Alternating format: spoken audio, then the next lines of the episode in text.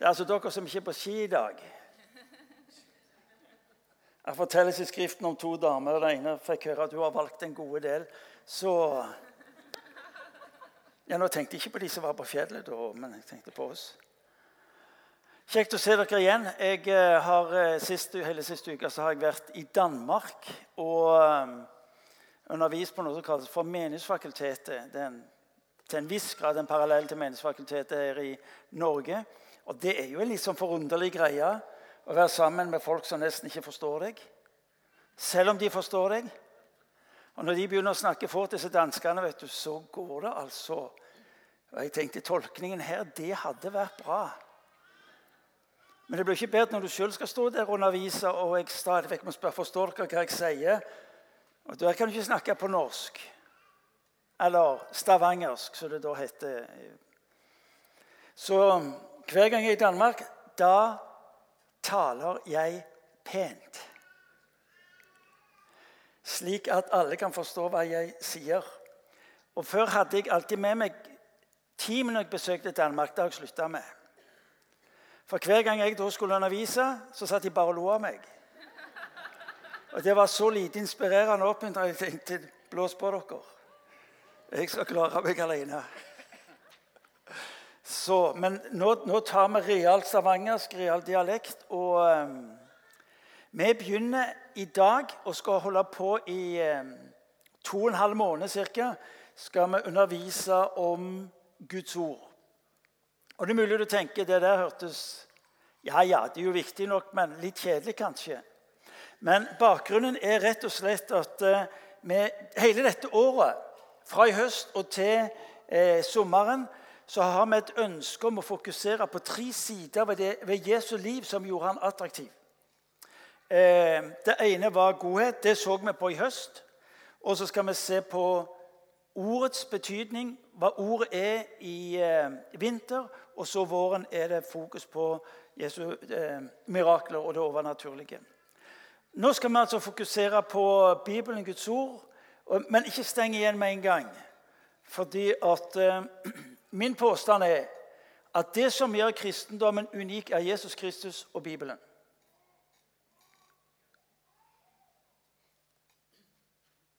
Jesus Kristus og Bibelen.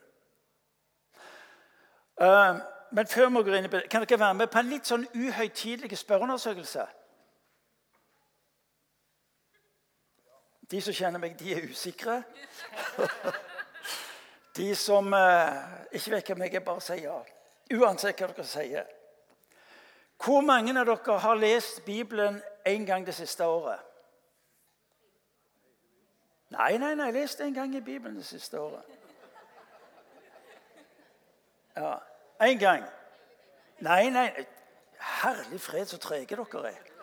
Hvor mange av dere har lest en gang i Bibelen det siste året? Ja, det er bra. Hvor mange av dere har lest en gang i Bibelen den siste måneden? Ja, det er lovende. Mm. Hvor mange av dere har lest en gang i Bibelen den siste uka? Hvor mange av dere har lest flere ganger i Bibelen den siste uka? Ja, litt færre. Eh, hvor mange dere eh, hvor mange av dere har altså lest, lest, lest en gang i Bibelen hver dag? Litt høyere. Kom igjen, litt høyere, så alle kan få se dere. Ok. Hvor mange av dere leser flere ganger til dagen? Ja, det er bra. Hvor hvor mange ganger spiser du? Hvor mange av dere har spist en gang det siste året? Ja, det er bra. Det er betryggende. Hvor mange av dere spiser en gang i måneden? Mm, det er bra. Hvor mange av dere spiser en gang i uka? Ja, det er bra. Hvor mange av dere spiser flere ganger i uka? Det er bra. Hvor mange av dere spiser en gang til dagen? Mm. Tar du poenget?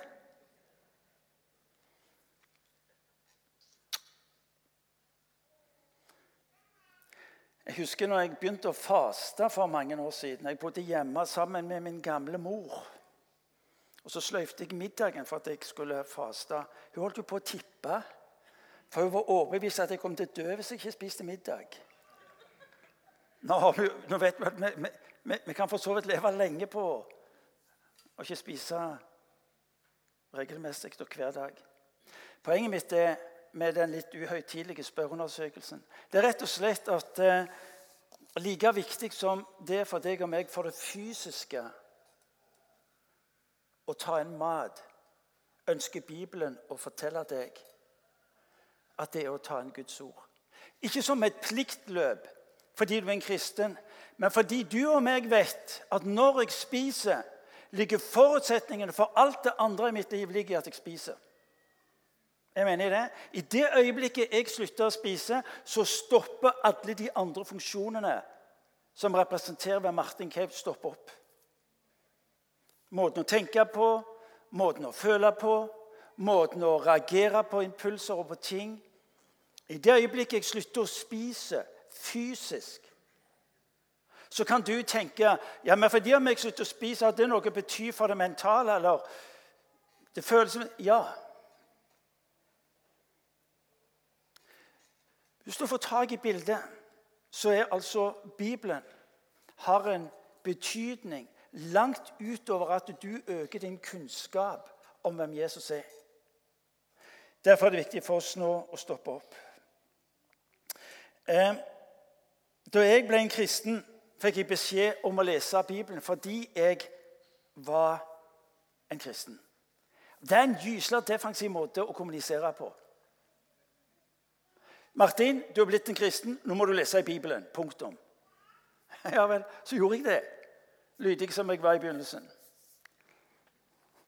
Så utvikler tida seg, og så oppdager jeg jo at eh, Bibelen har jo helt andre eh, en helt annen beveggrunn, som vi skal se på litt senere nå.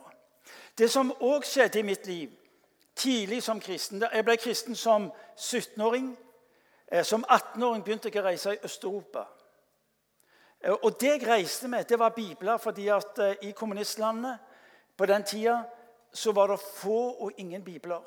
Og Det som gjorde et vanvittig inntrykk på meg, det var nettopp erfaringen med mennesker og den opplevelsen av å se hva Bibelen betydde i deres liv. Kan du tenke deg å gå fra å ha et teoretisk forhold til en bok eller en bibel, om du vil, selv om jeg var en kristen, til å møte mennesker som ga sitt liv for å få tak i Bibelen. Det var, det var helt ekstremt. Jeg møtte mennesker som hadde delt Bibelen i 100 deler. Og så, så kopierte de hver sin bit. De skrev ned, for de hadde ikke Bibelen. Og de gjemte Bibelen vekk når de kom hjem, som om det skulle være altså, gullbeholdningen de hadde eh, fått, og som de måtte ta vare på. Bibelen var for disse menneskene så avgjørende viktig at for meg ble Hvorfor er det så viktig? Å møte mennesker som drev undergrunnstrykkeri. De ble satt i fengsel, satt der i flere år. Og for meg ble spørsmålet hvorfor er det så viktig for dere? Jeg møtte mennesker som fortalte at de, de ble rakt Bibelen, og så ble det krevd av dem at vi forlanger at du avsverger deg Bibelen. Hvis ikke så mister du jobben. Professoren i filosofi i Bulgaria som, som hvis han ikke avsvergte seg Bibelen Legger hånda på Bibelen og avsverger seg det som sto der, så ville han miste jobben. Og endte opp som gatefeier i Sofia i Bulgaria. Hva var det ved denne boken som som var av en sånn karakter at eh, de var villige til å ofre, gå veier for å ikke miste det de hadde her. Jeg husker når, jeg, når det gikk opp for meg hvor verdifull altså, Du kunne jo være kav hedning og gjort, gjort store penger på å smugle bibler inn i Øst-Europa. Jeg reiste jo i Øst-Europa og, og, hadde med meg bibler inn og smugla bibler inn og, og opplevde hvordan Gud holdt sin hånd over oss. Men å komme fram til plasser og til menigheter Jeg husker en gang, jeg har fortalt det en gang eller to før hvor, eh, hvor vi lasta en gammel eh, folkevognbuss. Det var, det, var litt, det var en studie verd. Det var så vidt den hang sammen, og så på tyske autobahn. Kan, kan du se det for deg? To 18-åringer konkurrerte med trailerne på hvem som kunne kjøre fortest. Vi tapte hver gang. Og så kom du til grensen. Husker ennå første gang vi skulle inn i Tsjekkoslovakia, som det het den gang. Lang rekke med biler. De, de, de gikk rundt omtrent med forstørrelsesglass på hver bil, for det var noe som de skulle smugle inn i Tsjekkoslovakia. Det det var ingen vakter motsatt vei. for det, det, klart, det var jo ingen som var interessert i å smugle noe ut av Tsjekkoslovakia. Bare så for at folk ikke fikk lov til å reise. Og De kom til vår bil, og vi ba Gud, nå må du gjøre disse folka blinde så de ikke ser hva vi holder på med. Det var broder Andreas som lærte oss den bønnen. Han sa Jesus i sin tid så gjorde du blinde seende. Nå ber vi om at du må gjøre seerne blinde. Og Jeg husker ennå når vi kom fram de begynte, det, det, var altså helt, det var helt håpløst. Du kan tenke deg en ti-tolv stykker som omtrent sånn angrep bilen vår for å få tak i det vi hadde i denne bilen. Reiv opp dørene. Dette var en folkevognbuss. Vi hadde lagt seter Nei, sånn senga, mener jeg bak meg og kameraten min. Så der, der, så vi. Og så hadde vi altså bygd opp eh, med bibler som madrass. Men bare på den ytterste, ikke på den indre. For vi tenkte Hvis de skal lete etter noe, så leter de sikkert til den innerste. Åpner dørene bak, og så tar de den bakerste madrassen så hiver de den opp. Ingen bibler. Rører ikke den som var foran. Flere hundre bibler.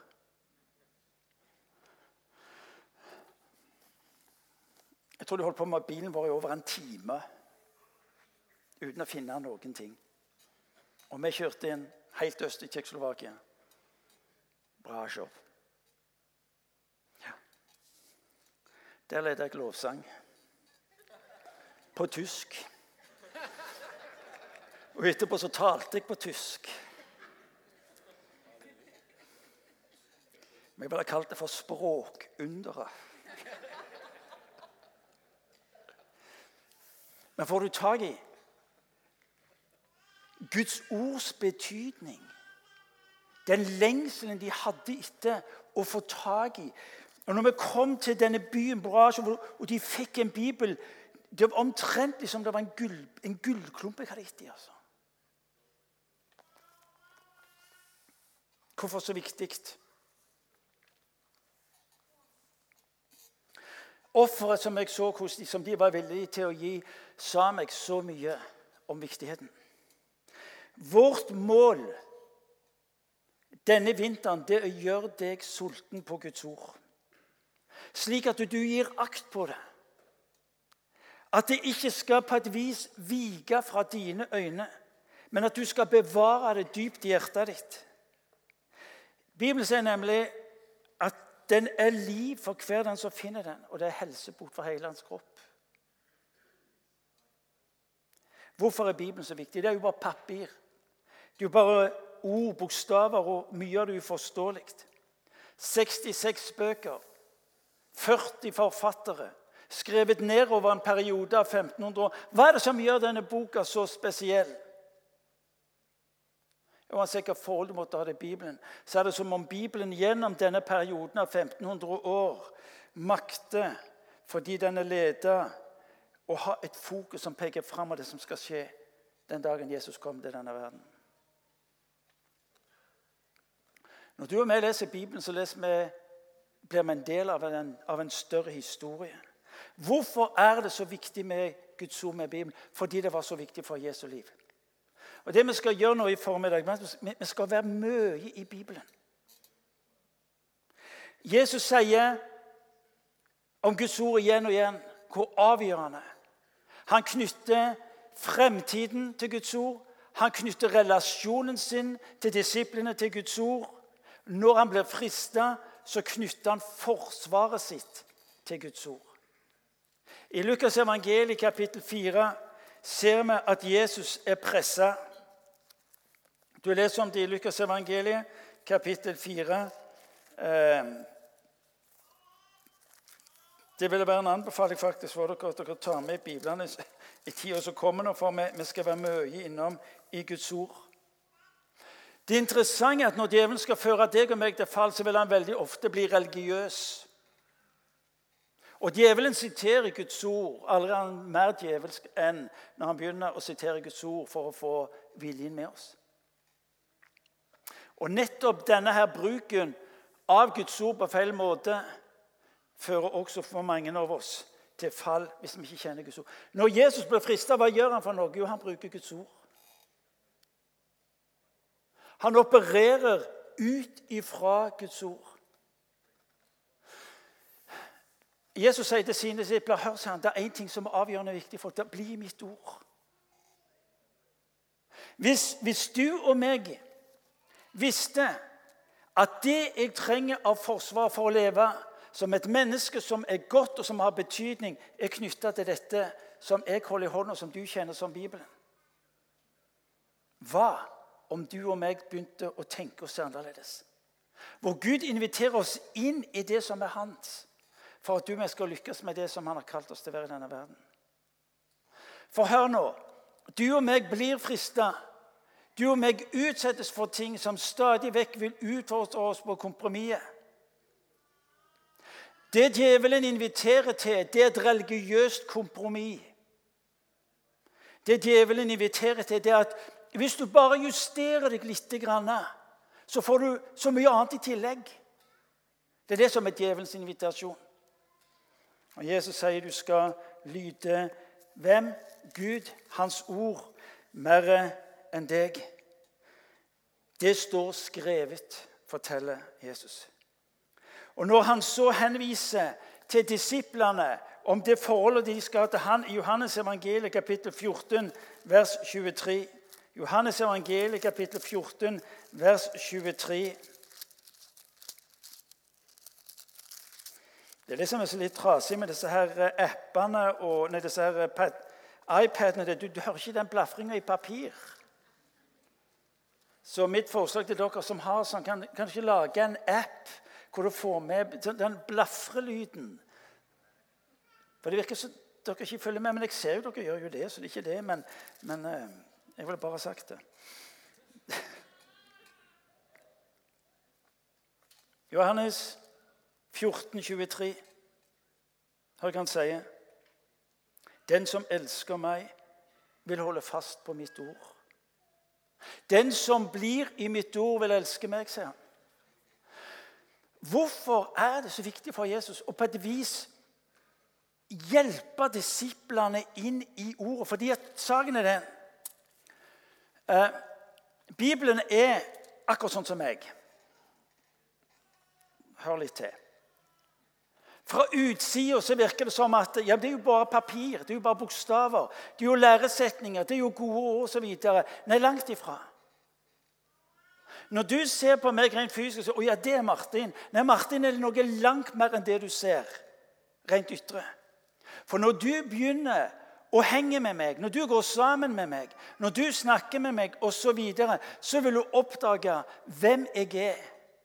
Du vil oppdage egenskaper hvor fantastisk Nei, ikke hvor fantastisk er. Det òg. Ja, det er riktig. Den likte jeg. Når, når, Jesus er opptatt med å ta deg inn i Bibelen, så er det som døra inn i relasjonen og fellesskapet, slik at du skal få vite om hvem han er. Bibelen tar deg ikke bare til noen bokstaver, noen meninger, noen religiøse synspunkter. Bibelen er å ta deg inn i. Og Det er nesten som det er lag på lag på lag. Jeg ble kristen som 17-åring på Tryggheim. Det er omtrentlig 44 år siden. Aldri har jeg kjent så lite til det som står i denne Bibelen, som i dag. Å jo, jeg kan mye. Det kan jeg. Men jeg har erfart at å bli tatt inn i det som ligger i Guds ord, er som å være på reise og stadig vekk oppdage nye ting. Jesus sier at eh, den kjærligheten som dere skal få lov til å ha til meg, du, den har med ord å gjøre.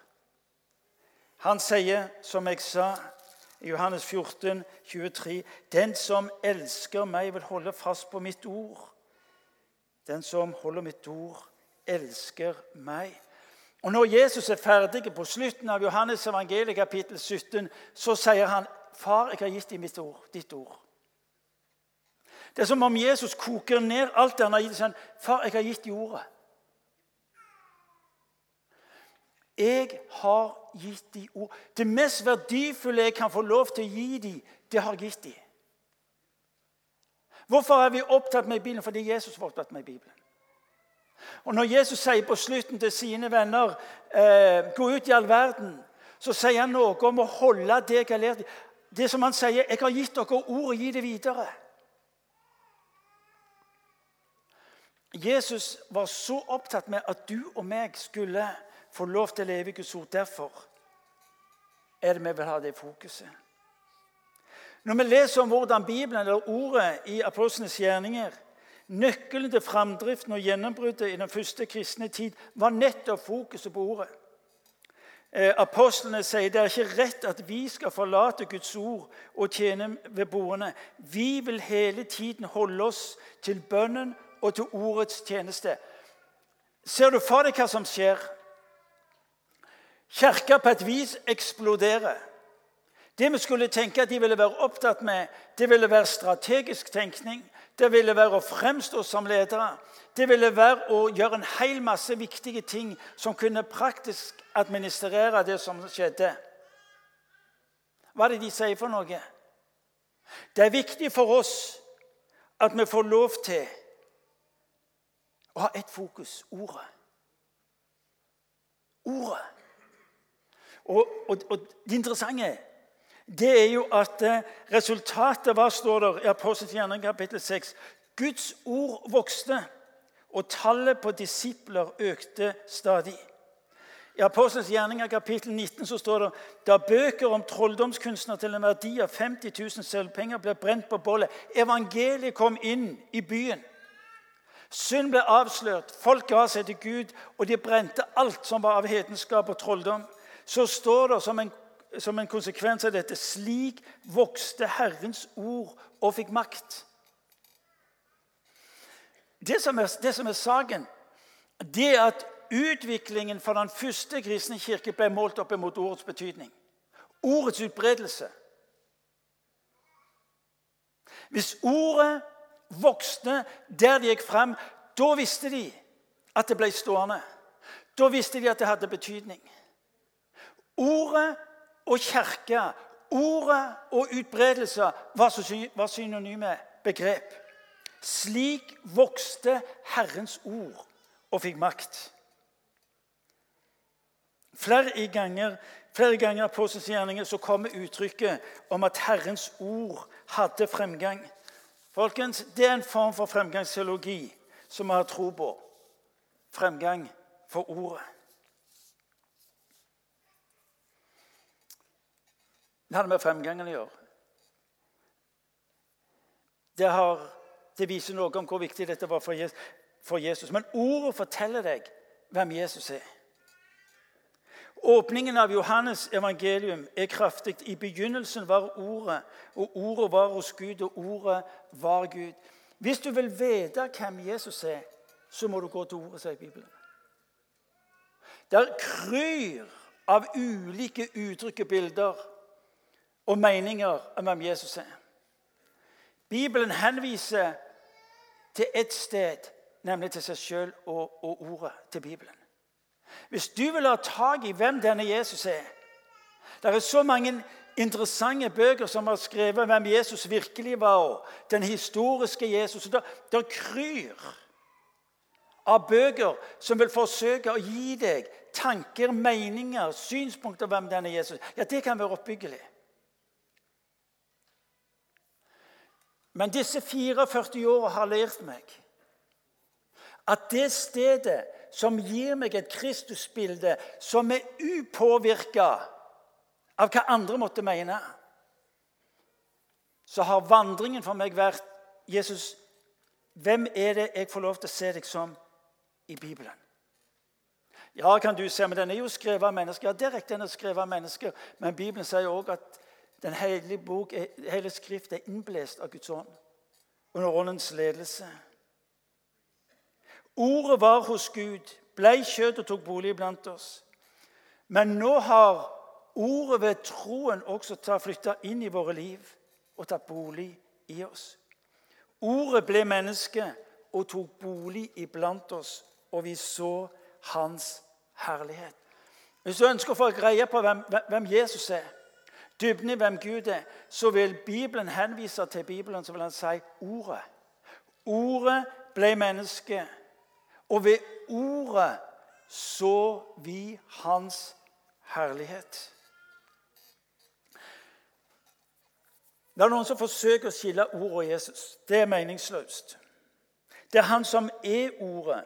I åpenbaringsboken kapittel 19 vers 13 så står det hans navn er Guds ord.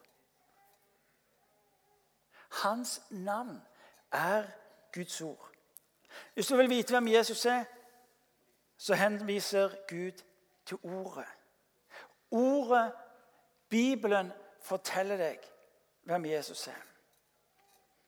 Det er så mange sider av det, men det er dette vi skal få lov til å utmynte i tida som kommer.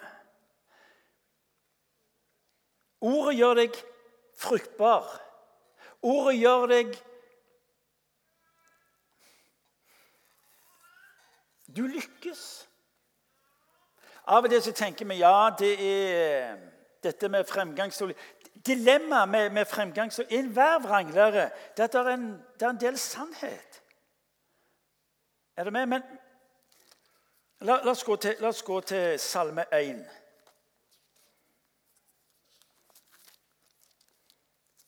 Salmenes bok, kapittel 1.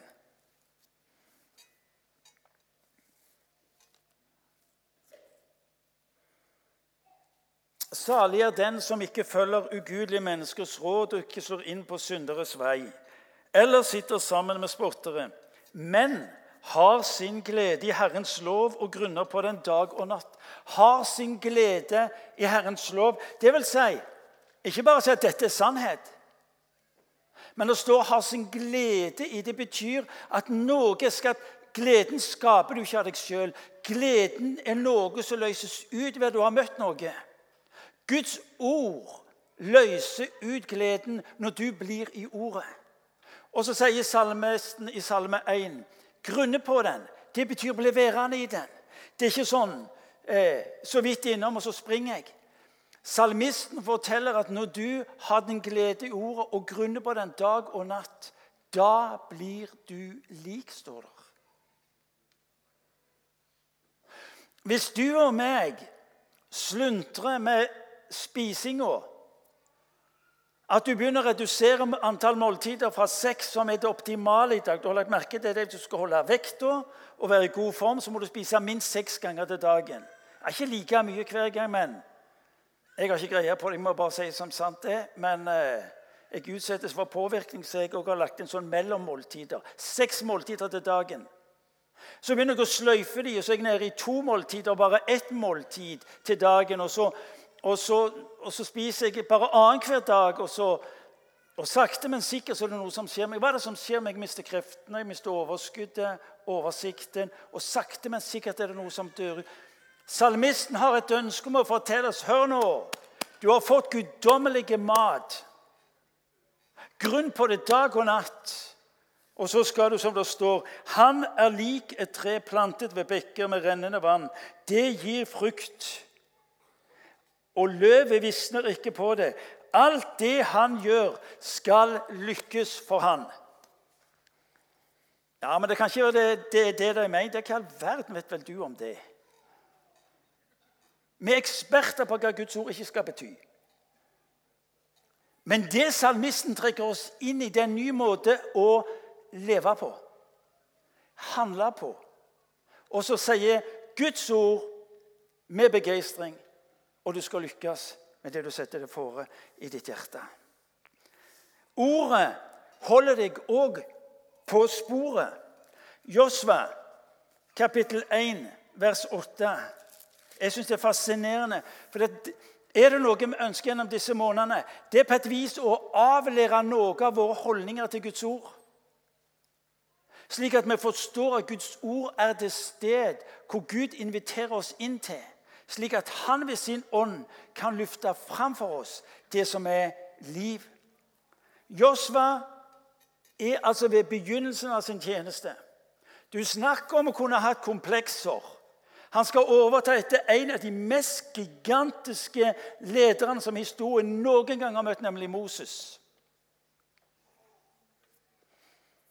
Og Han skal lede et folk som er så uregjerlig, og som er til tider så håpløst. Og så sier Gud til ham Du skal alltid ha denne loven på tungen og grunne på den både dag og natt, så du legger vind på leve etter alt det som er skrevet i lovboken. Da skal du ha hell og lykke med deg hvor du ferdes, og alt skal lykkes for deg. Jeg har jo sagt det, vær modig og sterk. Josva, sier Gud til ham, jeg vet at du mangler kompetansen. Josva, jeg vet at det er mye som kunne vært annerledes i ditt liv. Men hvis du nå bare holder denne boka tett inntil deg, lever i den, tar til deg det som står der Josva, du trenger ikke være redd, fordi du skal lykkes der du går fram. Ordet holder deg på sporet. Men det er ikke slik at uh, Gud, du må hjelpe meg. Og så etter, jo, Der sto det et eller annet. Så leser jeg det i 15 sekunder, og så springer jeg. Unntaksvis så kan det gå i hop. Erfaringsmessig Nei. Josva, bli værende i det jeg gir deg. Ordet holder deg på sporet. Jesus sier til de som var prestelærere i sin tid dere fare vill fordi dere ikke kjenner Skriftene og heller Guds kraft.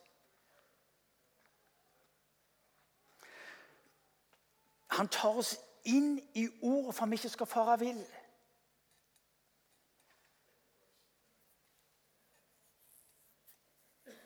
Salme 119, vers 105.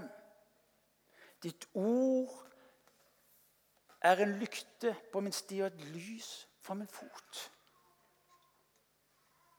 Hvor ofte sier vi at jeg hadde bare visst hva jeg skulle gjøre. Ja, men du har det.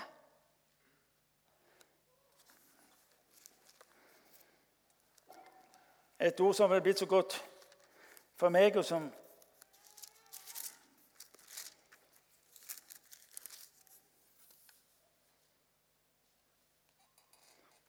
Når jeg ikke vet, så står det i vers 130 i Salme, i salme 119 Dine ord gir lys når de åpner seg.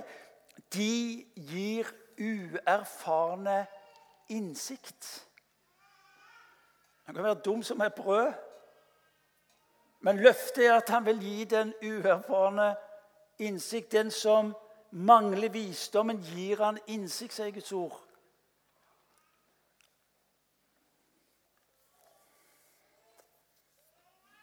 Hele Skriften er innåndet av Gud, og den er nyttig til lærdom, til overbevisning, til rettledning og til opplæring i rettferdighet for at Guds menneske skal bli satt i stand og godt utrustet til all god gjerning. Skriften innblåst av Guds ord for at du og meg skal få lov til å lykkes i det Gud har satt fore for den enkelte av oss.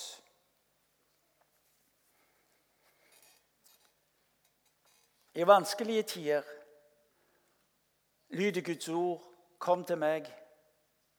Kom til meg alle dere som strever og bærer tunge byrder, for jeg vil gi dere hvile. Kom til meg. Johannes 14, vers 1, så leser vi om Vær ikke bekymra. Vær ikke bekymra fordi tro på meg. Tro på meg.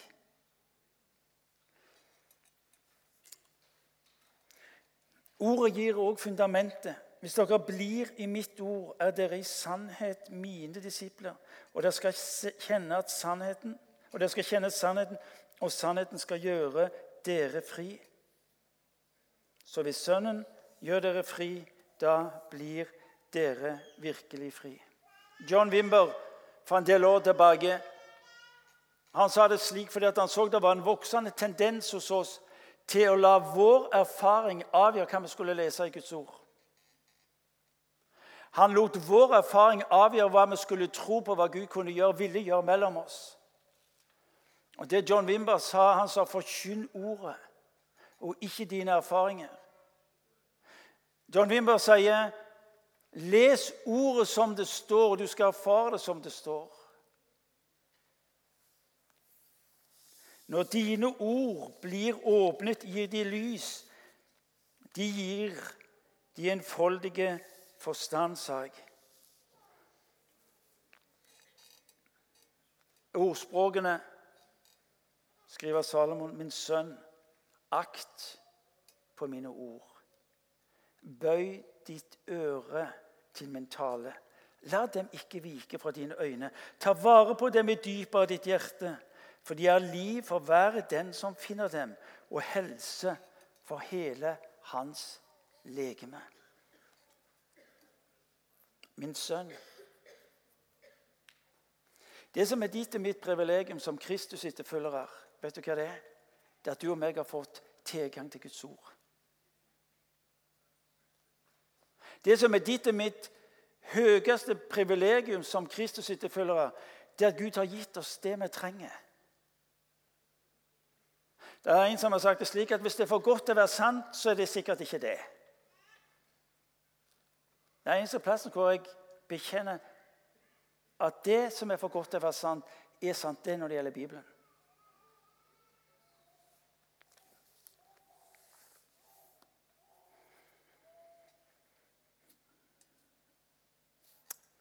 Jeg skal begynne å slutte. Og jeg vil slutte med en av de mest kjente beretningene i Bibelen fra Matteus evangeliet kapittel 7, vers 24-27. Det er nemlig de som bygger hus. La oss lese beretningen fra Matteus evangeliet kapittel 7, vers 24.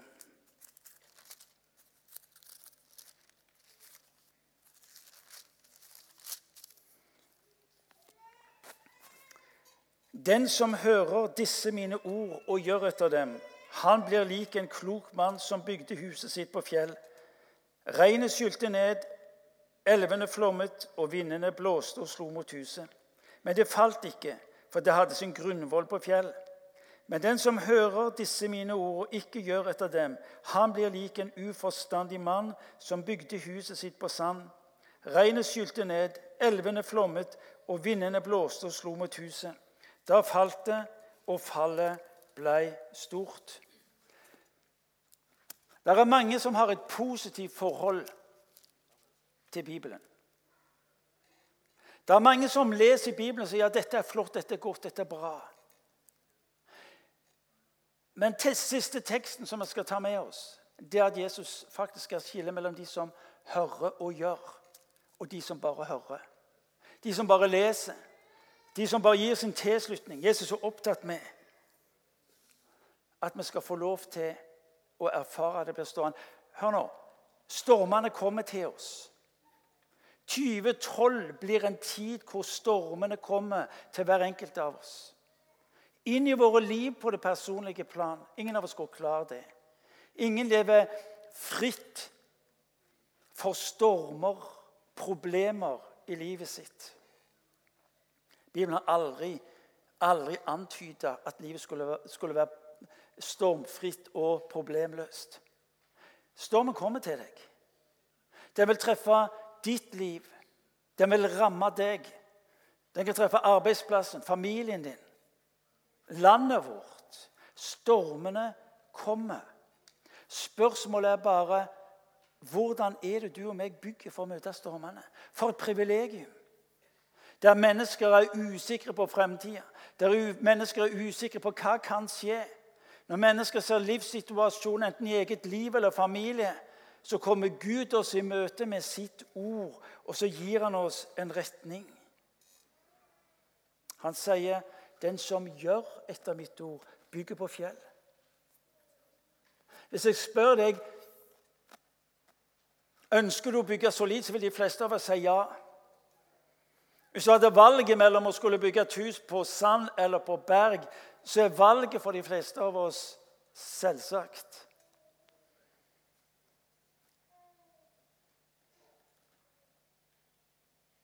Vet du hva som er forskjellen?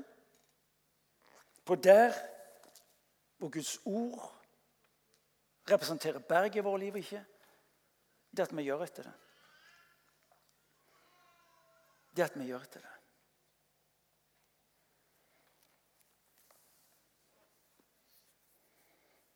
Vet du hva som er mitt mål for dere? Fordi det er mitt mål for meg sjøl. Det er at dere skal bygge livet deres på fjellet. Ved å gjøre etter som Bibelen sier.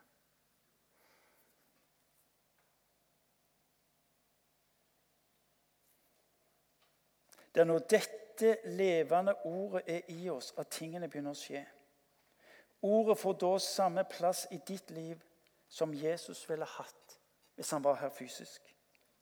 Nå er han her ved sitt levende ord.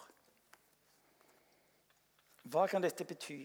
Hva kan dette bli av i ditt og mitt liv? Det er det vi skal se på i tida som kommer. La oss be.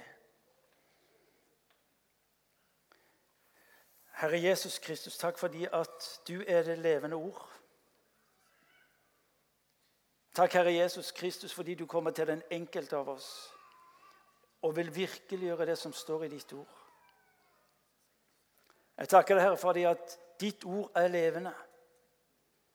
Jeg takker deg for at ditt ord skaper det det nevner. Jeg takker deg for at ditt ord er kilde til liv, kilde til forvandling. Kilde til å bære når ingenting annet kan bære. Jeg takker deg, Herre Jesus, fordi at ditt ord er det levende ord som blir stående når stormene treffer oss. Jesus Kristus, jeg takker deg.